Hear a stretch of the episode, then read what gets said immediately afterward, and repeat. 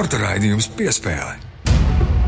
Esiet sveicināti Latvijas radio pirmā kanāla sporta raidījuma piespēļu klausītāji Mārtiņš Kļavinieks un Mārs Bergs studijā kārtējā svētdiena un esam šeit klāt jūsu ausīs un radio uztvērējos. Sveiks, Māri! Sveiks, Mārtiņ, sveicināti klausītāji! Karsta nedēļa aizvadīta, tiešām karsts laiks bijis visu šo nedēļu. Man tie labi patika, varēja arī pludmales volejbolu izspēlēties pa vakariem pēc darba. Līdz ar to tieši par pludmales volejbolu nevēl, es to pieminēju, tieši par pludmales volejbolu mēs runāsim arī šajā raidījumā, taču ne gluži tādā kontekstā kā iepriekšējās reizes. Mazliet citādā kontekstā mēs runāsim par pludmales volejbolu. Noteikti daudz no jums dzirdēja šīs nedēļas raidījuma kruspunktā sarunu par augošajām dabas gāzes un elektrības cenām un ko tas Latvijai sola rudenī un ziemā. Neko labu jau nesola. Nesola gan, jā, tur nav pat skaidrs, vai dabas gāzes vispār pietiks. Mājasēmniecībām pietiks, bet tieši uzņēmumiem, par ko arī runāsim šobrīd, skaidrs, ka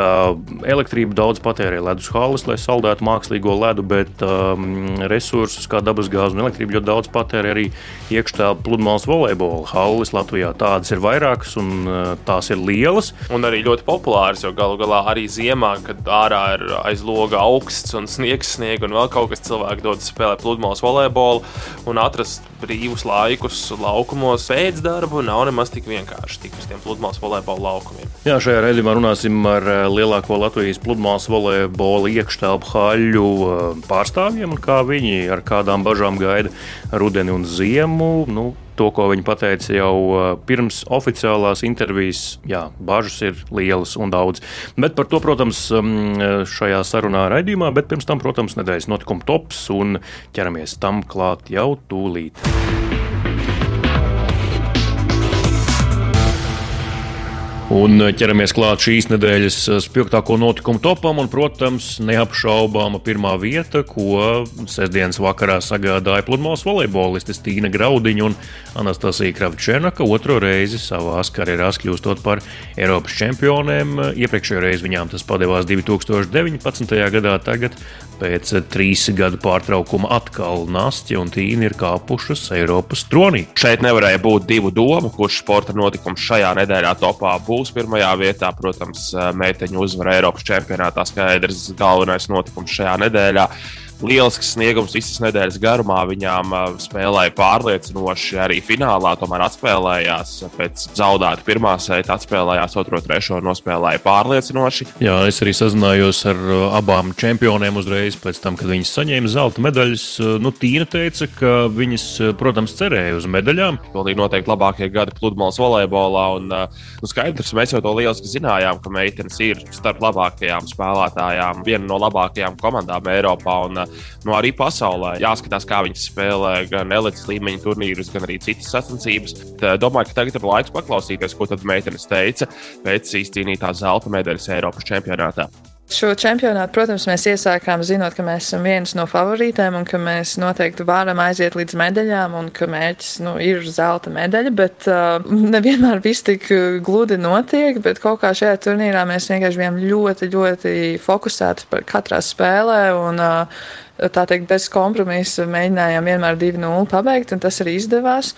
Un tad finālā pret šveicietēm cīnījāmies par katru punktu, teicām un atbalstījām vienu otru, ka jāfokusējas uz uh, to katru punktiņu. Pirmajā setā nesanāca pašām nospēlēt to labāku spēli, bet otrajā setā un trešajā gan, uh, gan aizsardzībā, gan blokā, gan saidautā un servēs izdarījām visu, kā vajadzēja. Un, uh, tā garā blokētāja Huberlī salūza. Paldies par atbalstu visiem latviešiem un um, skatītājiem. Mēs nu, tiešām nemaloju to jutām. Un, uh, jā, tad jau redzēsimies Latvijā. Jā, tālāk 2022. gada Eiropas čempionas pludmales volejbolā Tīna Graudiņa, Anastasija Krepčenoka gaidām mājās. Un tad jau droši vien arī faniem būs kaut kāda iespēja viņas uh, sveikt personīgi. Bet, mm, nu, jebkurā gadījumā, turpinot uh, nedēļas notikumu topu, uh, mums jāizceļ ir vēl kāds uh, brangs duelis uh, un uh, vieta un laiks, kurā katrs no atlētiem, neskatoties uz to, kurš uzvarēja, kurš zaudēja, izcīnīja 40 miljonus ASV dolāru. Tā, protams, gadās Nu, iespējams, tikai boxā. Boks, Aleksandrs Usiks, Ukrainas pret Britu Antoniju Džošua, revanša cīņa un atkal uzvar Usiks. Jā, nu rezultāts tāds pats kā gandrīz pirms gada. Arī toreiz Aleksandrs Usiks izcīnīja uzvaru. Šoreiz tā līdz tiesneša lēmums viens no tiesnešiem saskaitīja par labu punktus Antonijam Džošovā. Pirms gada pārliecinošāka uzvara Usikam tikai pēc punktiem skaitot, bet ņemot vērā šī brīža situāciju pasaulē, tad arī Džošovā un Usiks stāvot pie Ukraiņas karoga kopā sagaidīja tiesneša lēmumu. Jā, nu, un Usiks pat tur četras prestižākās boxe pasaules jostas savā rīcībā un joprojām ir absolūtais čempions smaksuros. Jā, arī Ukraiņas prezidents Volodimirs Zelenskis sociālās saziņas vietnē Twitter apsveic um, Aleksandru Usiku ar uzvaru un izcēla to, ka šajā Ukrainai tik grūtajā laikā tādas uzvaras ir īpaši nozīmīgas un nozīmē ļoti daudz Ukraiņas tautai. Līdz ar to arī noslēdzam boxe segmentu nedēļas topā un dodamies tālāk nedēļas topā ar, ar Latvijas junioru vecumā līdz 20 gadiem hokeja izlasi, kuri noslēdz pasaules čempionātu elites divīzijā 7. vietā. Augstākais eh, sasniegums šīs komandas vēsturē, un, protams, eh, tik tuvu, tik tuvu bija arī tas pusfināls. 1-2 zaudējums Zviedrijai. Tas nav tas, ar ko jāsamierinās, bet jāpaņem labākais no tā. Nu, vai tuvu pusfinālam tas varbūt ir mazliet par daudz teikts, tomēr rezultātu ziņā. Rezultātu ziņā, jā, jo nu, pret Zviedriem 1-2 ir labāk nekā prognozējamais 1-7, ko mēs varējām sagaidīt, kā raugoties vēsturiski, kā ir bijis. Beigās bija iespējas atspēlēties, bet nu nevēlti Zviedriem vārtos bija spēlētājs, kurš tiek uzskatīts par labāko vārdsargu, šo prospektu, jeb eh, nākotnes vārdsargu vispār pasaulē. Mūsējā katrā ziņā nospēlēja atzīstami.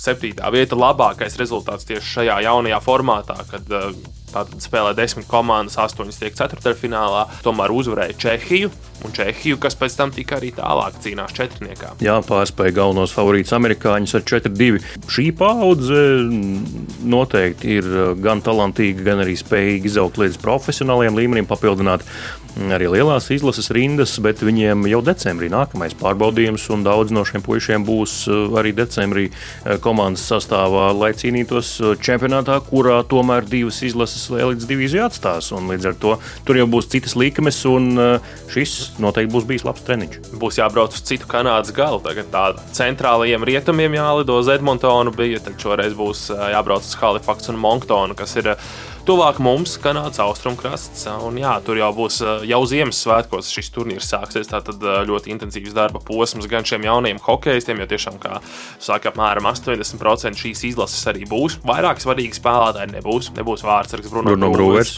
Kārtis Abols izteicās pēc spēles sarunā Latvijas Hokeja federācijas pārstāvjiem būs jāatrod spēlētājiem, kuri var ieņemt šīs līderu lomas, aizvietot tos, kuri vairs nevar spēlēt vecuma dēļ. Paklausīsimies, ko viņš teica. Jā. Nu, vismaz man šī spēles sākumā mums tās emocijas, es domāju, par šodienas spēles Zviedriju, tās emocijas kaut kur, kaut kur pietrūka nācās kurbulēt, kurbulēt ceļu spēles laikā uz soliņa, izmantot katru reklāmas pauzi. Jo tajā pat laikā, lai tā spēle nebija varbūt neritēja tā, kā mums gribētos, joprojām tas bija tikai 0-1. Tas ir viens metiens, ko No otrā perioda vidus izskatās, ka mēs tomēr dabūjām, kā saka, robā. Jau no paša spēles sākuma Zviedri bija nedaudz ātrāk, mums trūka šis ātrums. Nu, beigās tāda pusmomentiņa bija arī kaut kā jau, kad bijām noņēmuši vārds, tur metiens pa vārtiem, divi mūsēji vārti priekšā, neviens zviedri. Bet ļoti veiksmīgi vārds ar sacīk tālu no sevis, ka netikām pie atlicošās. Nu, kā jau teicu, mums nav par ko kautrēties bet mēs zaudējam, bet mēs gribam uzvarēt. Tālūk, Latvijas junior hokeja izlases galvenais treneris Arts Abols. Lielisks darbs viņam pie šīs izlases stūres, debitējot arī. Viņam šis bija kaut kas pirmreizējs.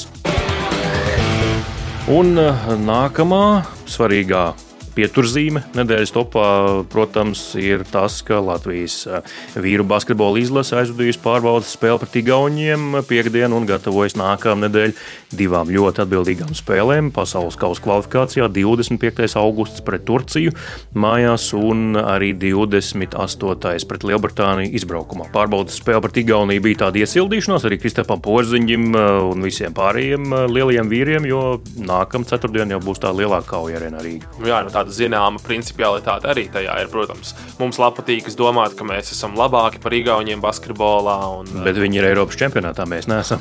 Jā, nu, to sadaļu mēs nepieminam. Mums tas principiālais duels vienmēr ir ar lietuviešiem. Un nākamais spilgtais notikums varbūt ar tādu drusciņu rūktu, vai pat ne tikai drusciņu, bet pamatīgi rūktu piegaršu Latvijas volejbola izlases eh, starts Eiropas eh, čempionāta kvalifikācijā. Somija pret eh, Latviju, izbraukums Latvijas izlasēji. Apstākļi ļoti labi, kā varēja spriest no atsauksmēm no Latvijas volejbola izlases un mm, tās apkalpojošā personāla, bet, nu, diemžēl, 0-3 pilnīgi bezcerīgs 0-3. Jā, tur nebija iespēja ieķerties. Nu, jā, no pašas Latvijas izlases volejbols spēlē tiešām slikti. Tur nav ko teikt, citu paši spēlē vienkārši švaki. Serviju uzņemšana bēdīga, ja Denisam Petrovam un pēc tam Edvīnam Skrūderam regulāri ir jācer no 3-4 metriem, un tu praktiski nevari izcelt pirmajiem tempiem, ka visu laiku ir jāspēlē caur malām, vai nu diagonālē, vai otrajiem tempiem. Nu, Somijam ir ļoti viegli paredzēt, uz kurien tie uzbrukumi varētu tikt virzīti. Plus vēl tas, ka paši nespējām trāpīt cēru. Izskatījās tā, kā mēs spēlējām pirms mēneša, kad bija pirmās pārbaudas spēles pret Ukrajinu, pret Norvēģiju vienkārši servis nelidoja. Tīkls pusotru metru autā, bet laukumā nelidoja. Valmjerā tā bija pilnīgi cita Latvijas izlase pret Somiju. Tad mūsēji ar servēm pamatīgi izcita somus, bija daudz eisu, Somijam bija problēmas saņemt. Turko nekas no tā nebija. Tā izskatījās pēc, pēc bariņa līdzīgu džeku, kur ir ietērpta Latvijas formās, bet uh, ne gluži tie paši, kas bija Valmjerā. Šodien Latvija, Austrija, uh, Zemgājas Olimpiskajā centrā. Nu, kā tur būs, redzēsim, bet nu, tā spēle nu, jau, jau, jāuzvar 3-0. Tur nav, nav variantu. Nu jā, nu sliktākajā gadījumā četros setos, bet ir jāuzvar. Pat ja mūsu ja nekvalificējas Eiropas čempionātam, tad vismaz ir jāpabeidz ar uzvaru. Tas tāpat kā basketbolā pēdējais metiens, ejot no laukuma, vienmēr ir jāiemet.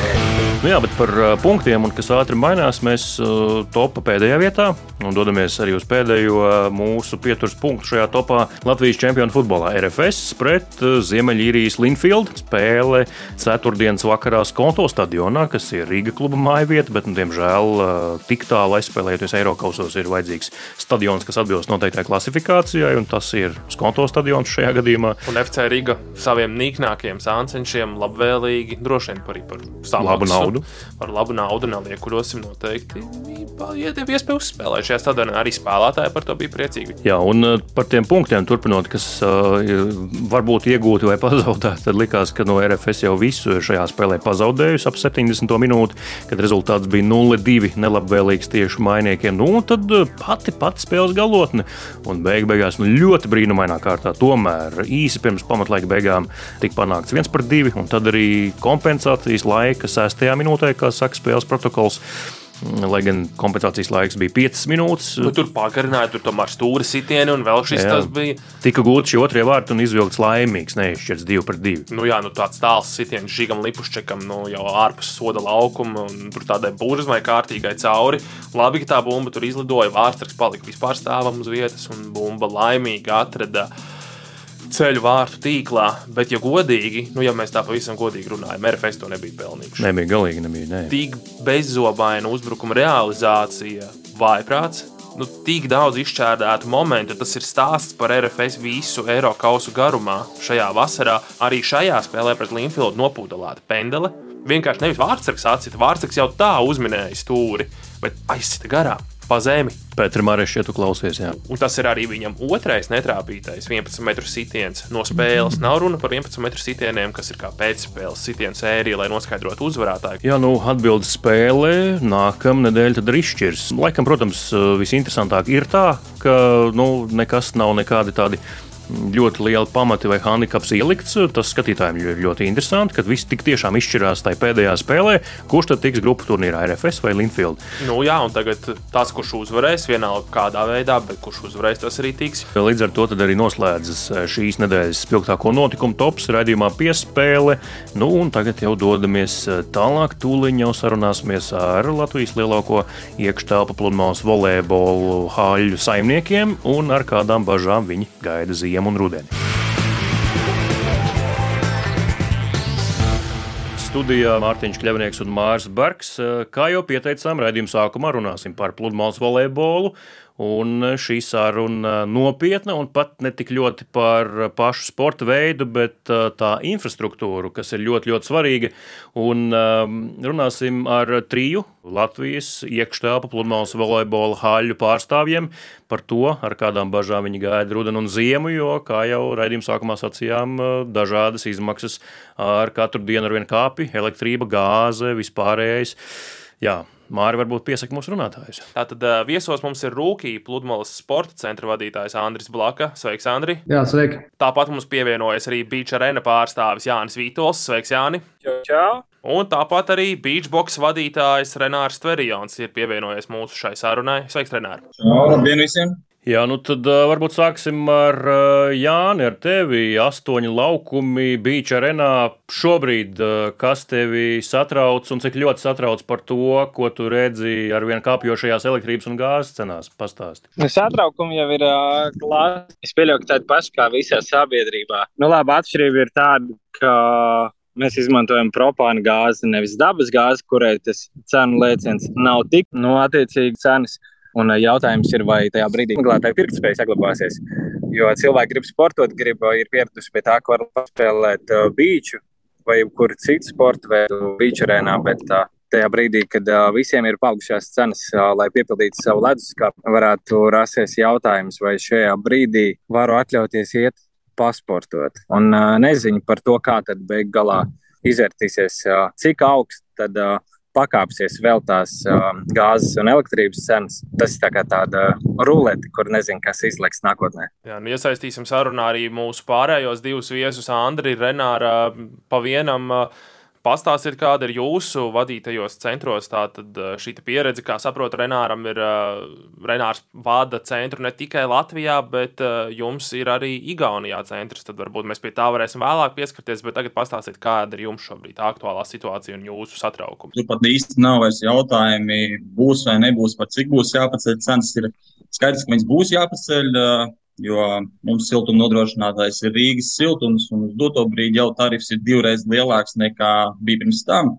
Un uh, mums brīdina, ka tas varētu būt pat vēl trīs reizes vai četras lielāks ziemā. Attiecīgi, cenas tiks palielinātas jebkurā gadījumā. Mēs gan esam vienmēr bijuši demokrātiski un ilgu laiku, šo desmit gadu laikā, tikpat kā par laukumu nomiņas neesam palielinājuši. Tāpēc es ceru, ka mūsu uzticamie un foršie klienti sapratīs. Mēs tāpatās nevarētu palielināt tās cenas uh, tik daudz, uh, lai nosaktu pieaugušās izmaksas, jo nu, tad mums tās cenas būtu divas reizes uh, jāpalielina, ja siltuma izmaksas mums pieaug par četrām reizēm, jo tas tomēr nu, sastāv 20-30% no mūsu kopējām izmaksām. Bilde ir kāda, nu, ir cenšamies saglabāt optimismu, taupīsim. Un uh, vēl mazliet ceram, ka varbūt būs kaut kādas valsts atbalsta programmas, kur varbūt es šeit uzreiz tieši labprāt pieskartos Igaunijas jautājumam, kur mums līdzīgi kā Jānis teica, ir krietni lielāka platība un pagājušajā ziemā gāzes izmaksas sasniedz astronomiskus ciparus. Liels rēķins mūžā nebija redzējis, bija interesanti, bet, protams, ne līdz galam patīkami. Es gribētu pieskarties Covid tēmai, jo tad, kad uh, bija Covid pandēmija, tad uh, Latvijas gadījumā atbalsta mehānismi gan uzņēmumiem, gan infrastruktūrai īpaši bija ļoti sakarīgi. Un, ko nevarēja teikt par Igauniju, jo tur viņi tikpat labi kā nebija, tad mēs, ja citiem patīk zākāt, valdību noteikti ir par ko daudz, kur mēs salīdzinām ar Igauniju, cik tur ir foršāk, tur, arī daudz kas ir foršāk, sakārtotāk, bet šeit tādā atbalsta ziņā noteikti, ka Latvija bija gausties pārāka un uh, palīdzēja uzņēmumiem tik pāri krīzē. Tāpēc mums ir tāda maza, maza cerība, ka varbūt arī šajā grūtajā brīdī mēs varētu saņemt kādu kaut kādu nelielu atbalstu. Jā, Andri, kā pie jums, kā, kā Rūkī centrā tā aina zīmējas?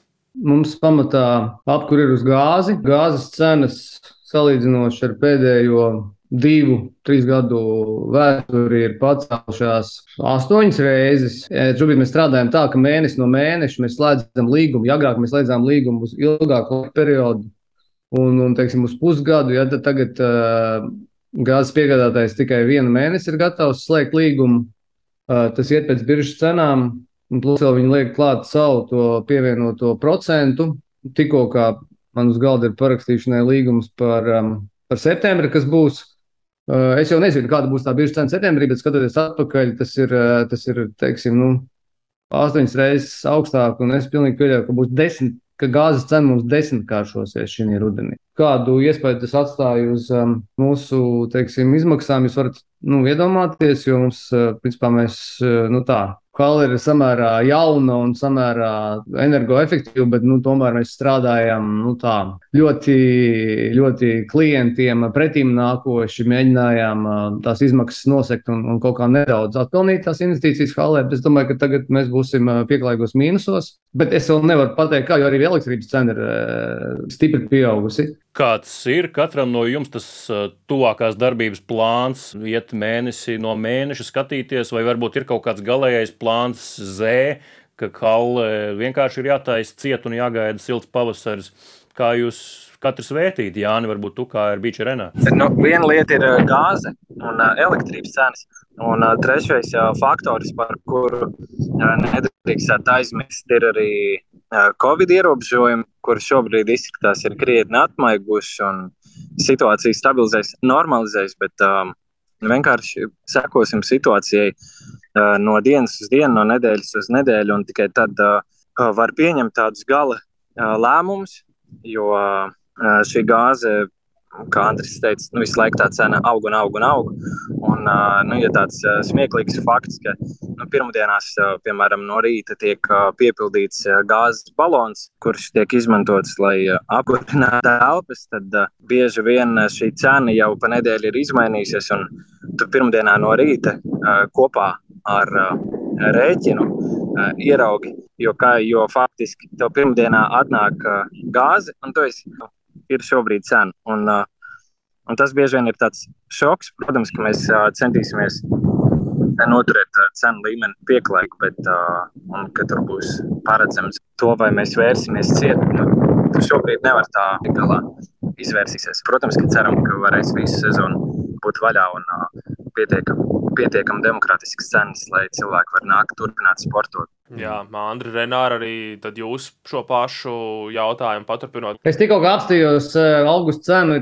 Tieši desmit reizes augstāka gāzes cena. Grūti iedomāties vēl kādu teiksim, uh, situāciju biznesa, kur tev desmitkāršojās uh, pašizmaksas kaut kādai lietai.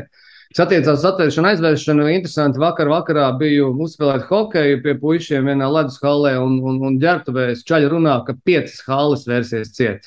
Nu, tādā amatieru līmenī ir teksts, ka piecas ledus halas versijas ciet.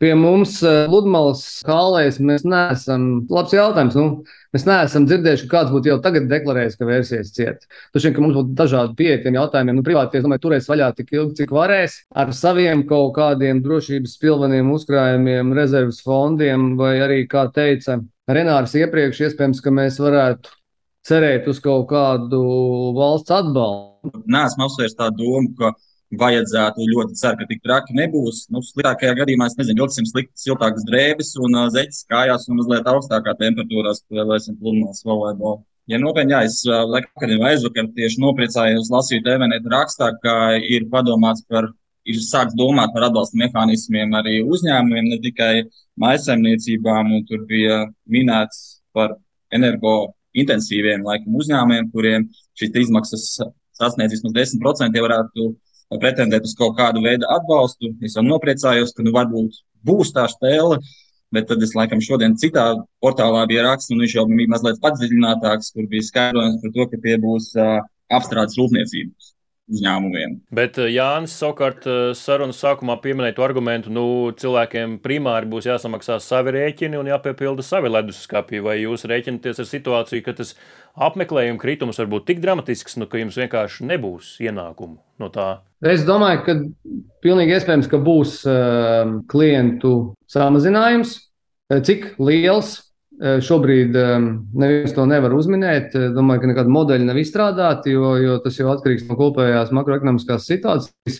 Es domāju, es esmu tāds piesardzīgs optimists, ka mēs nu, nepazaudēsim visus cilvēkus, bet būs mazāk. Būs mazāk cilvēku, kas nevarēs to samaksāt. Tas ir skaidrs. Jā, Jānis Vitols, Beachерena pārstāvis mūsu sarunu šobrīd ir atstājis. Viņam bija ierobežots laiks, bet mēs turpinām sarunu jā, gan ar Andriu Blaku, gan ar Renāru Tverionu. Andri, cik ļoti varbūt šobrīd to arī kā gal galā Latvijas volejbola federācijas pārstāvis, cik ļoti uz šīm hallēm, iekštelpu hallēm šobrīd balstās Latvijas pludmales volejbols vispār un tādu haļu varbūt aizvēršana kaut vai uz brīdi ziemā, kādu tas robu varētu iecirst pievērst nu, gan profesionāļu attīstībai, kur tur trenējas ziemā, gan arī bērnu jaunai paudzei, kuri aug šobrīd. Mm, skaidrs, ka vislielāko robu tas iecirtīs jaunai paudzei, jo profesionāļi jau iepriekš mēdza aizbraukt uz Eģipti, uz Tenerifi un trenēties kaut kādās, varbūt siltākās vietās. Viņiem mm, ir vienmēr bijušas treniņu nometnes, un, un Latvijā viņi uzturās daļēji. Nu, tas ir lielie, lielie profesionāļi, bet uh, bērni jaunieši trenējās uh, iekštelpās. Uh, ir pietiekoši daudz bērnu jauniešu, kas spēlē tikai pludmales volejbolu, kas nespēlē zāles volejbolu. Tīri atkarīgi no tā, vai halas būs vaļā vai halas būs iet. Tā kā, nu, ja mēs gribam redzēt panākumus arī turpmākajos gados, um, tad mums būtu jāpadomā, kā mēs varam tos bērnus um, noturēt, noturēt um, trenējoties. Jā, Renāra, tā kā jūs arī strādājat uh, Igaunijā, Pastāst, varbūt, kāda ir Igaunijas valdības plāni strādājot ar uzņēmējiem, jo arī Igauniem tā situācija nav spīdoša. Elektrības cenas tur ir tikpat augstas kā pie mums, un arī viņiem pagaidām nav sašķidrinātās dabasgāzes termināls. Līdz ar to arī viņiem ar, ar gāzes apgādi ir diezgan švaki. Kā, kā Igaunijas valdība risina šo problēmu jautājumu un uh, kā izskatās jūsu darbība Igaunijā?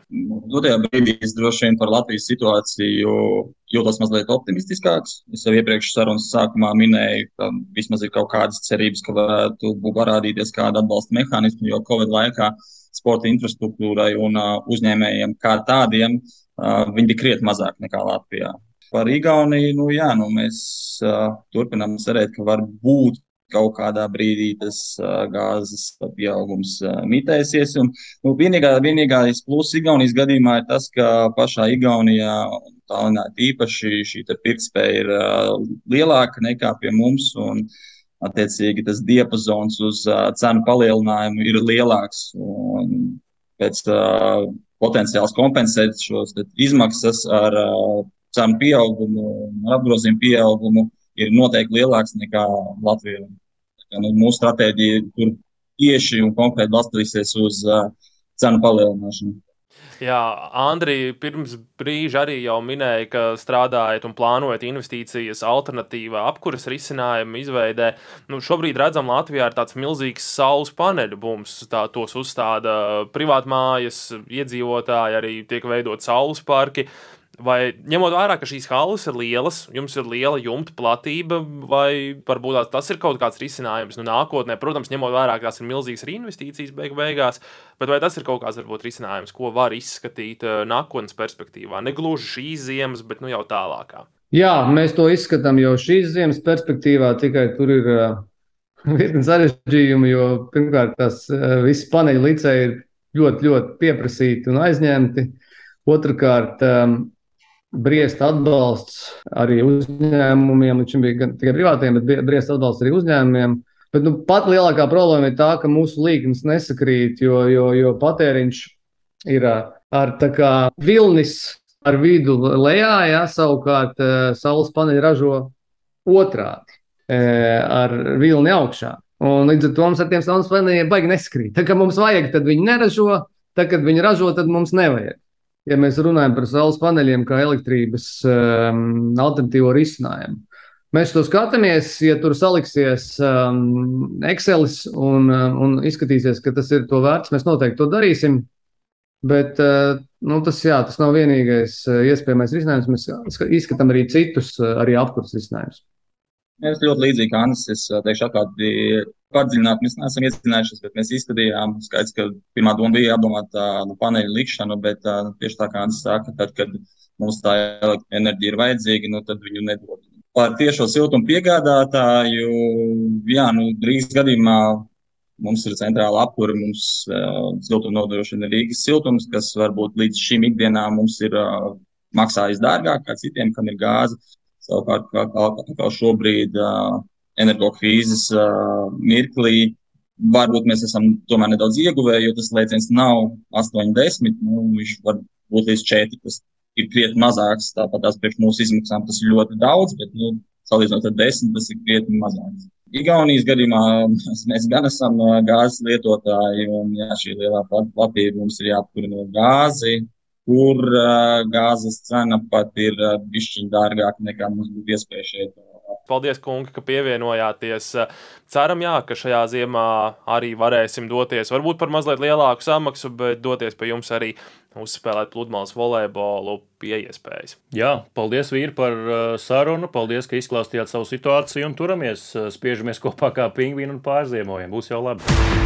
Sporta raidījums piespēlē.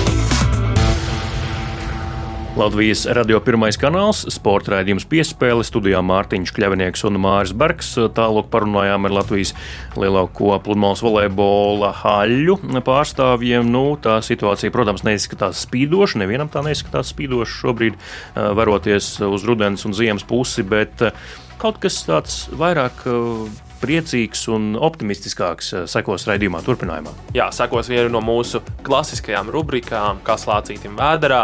Nu, kā jau mēs arī pašā raidījuma sākumā ievadā teicām, ārā vēl ir silts. Tas ir jāizmanto, kas zina, cik vēl tāds silts laiks pieturēsies. Mēs vēl varam iet uzspēlēt pludmales volejbolu ārā. Bet kā šie laukumi brīvā dabā tiek iekārtoti, to skaidroja mūsu kolēģis Reinis Grunsteņķis. Reiņa Grunsteņķis saruna ar Tomu Šmēdiņu raidījuma turpinājumā. Kas lācītim vēderā?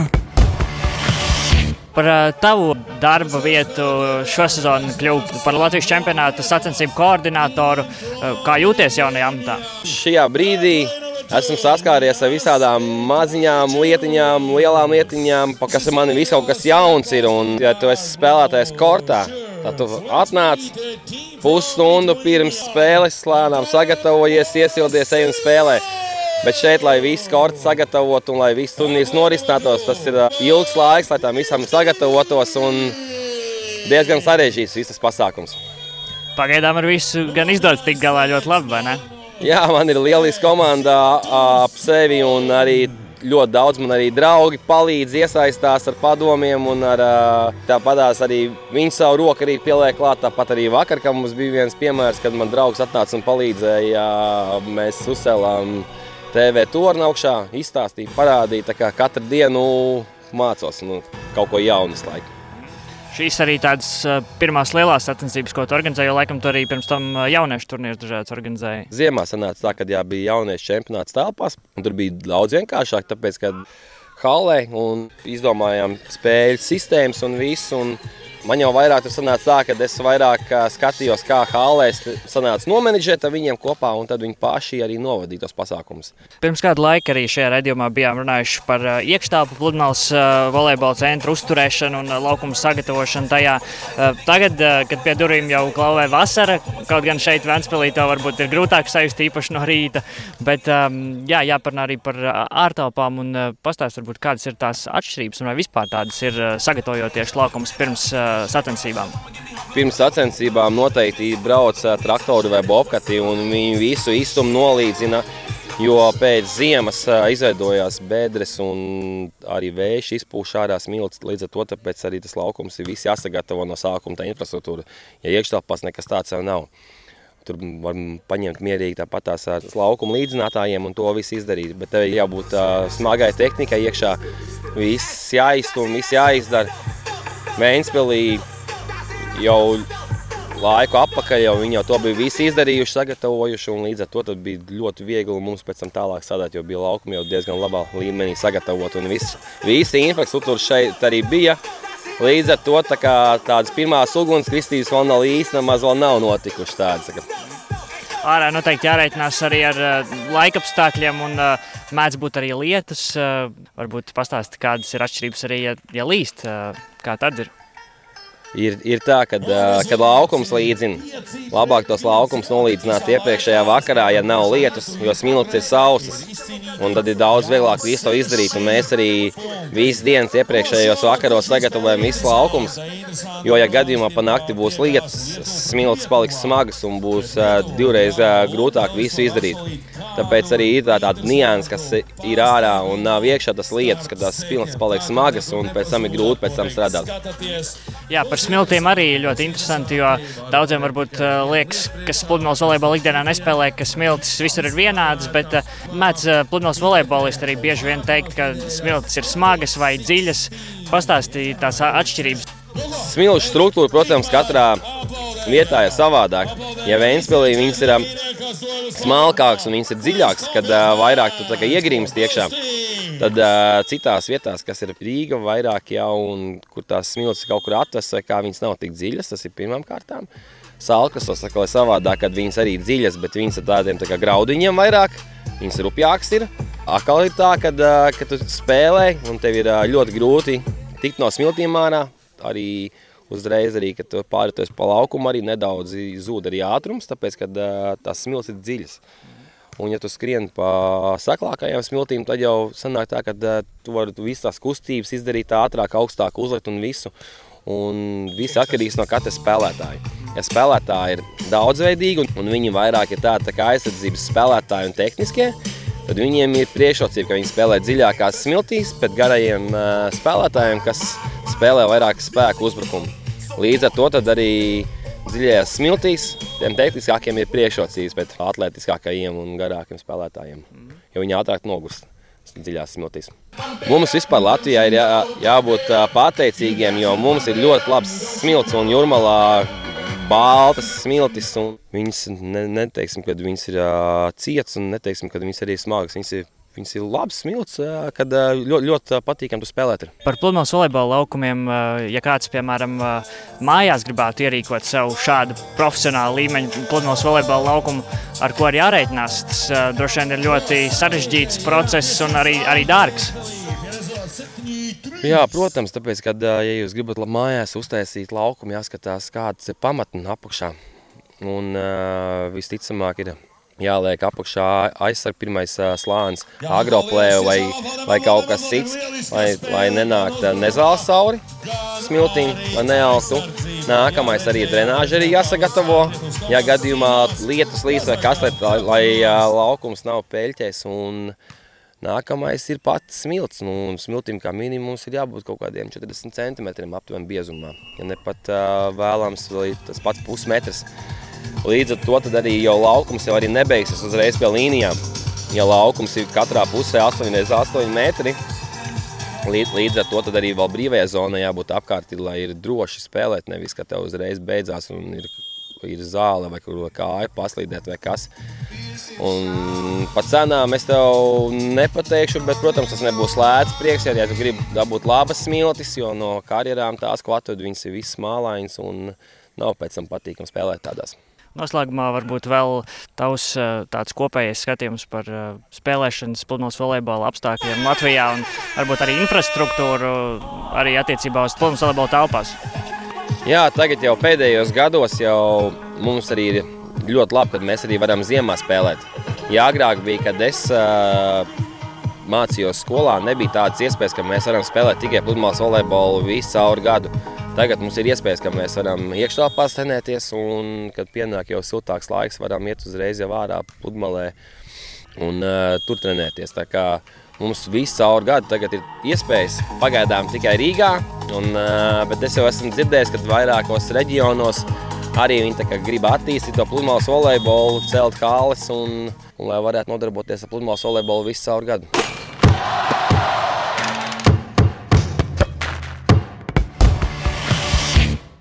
Raidījumā piespēle Mārtiņš Kļavnieks un Māris Bergs, un līdz ar to raidījums arī tuvojas eh, savai izskaņai šonedēļ. Atgādinu, ka nākamā nedēļa Gunārs Jākopsons ar savu rubriku eh, būs raidījumā piespēle. Varu pačukstēt, ka par riteņbraukšanu būs saruna, tā kā tie, kuriem patīk mīt pedāļus, aiziet pie saviem radioaparātiem, bet šo raidījumu var klausīties jebkurā savērtā podkāstu jeb raidierakstu vietnē. Tur mēs arī dzīvojam, un tur arī bieži vien tādi materiāli, kas ētrā nemaz gan uh, straumēšanas vietnēs. Tur mums nav nekāda laika limita, tur mēs varam ielikt arī pilnās sarunas, pilnā garumā. Ar to arī skan jā, tātad šīs nedēļas raidījums. Paldies, ka klausījāties, un mēs būsim atpakaļ jau pēc nedēļas. Gan mēs, gan arī Gunārs Jākapsauts. Tiekamies nākamā svētdien, vislabāk!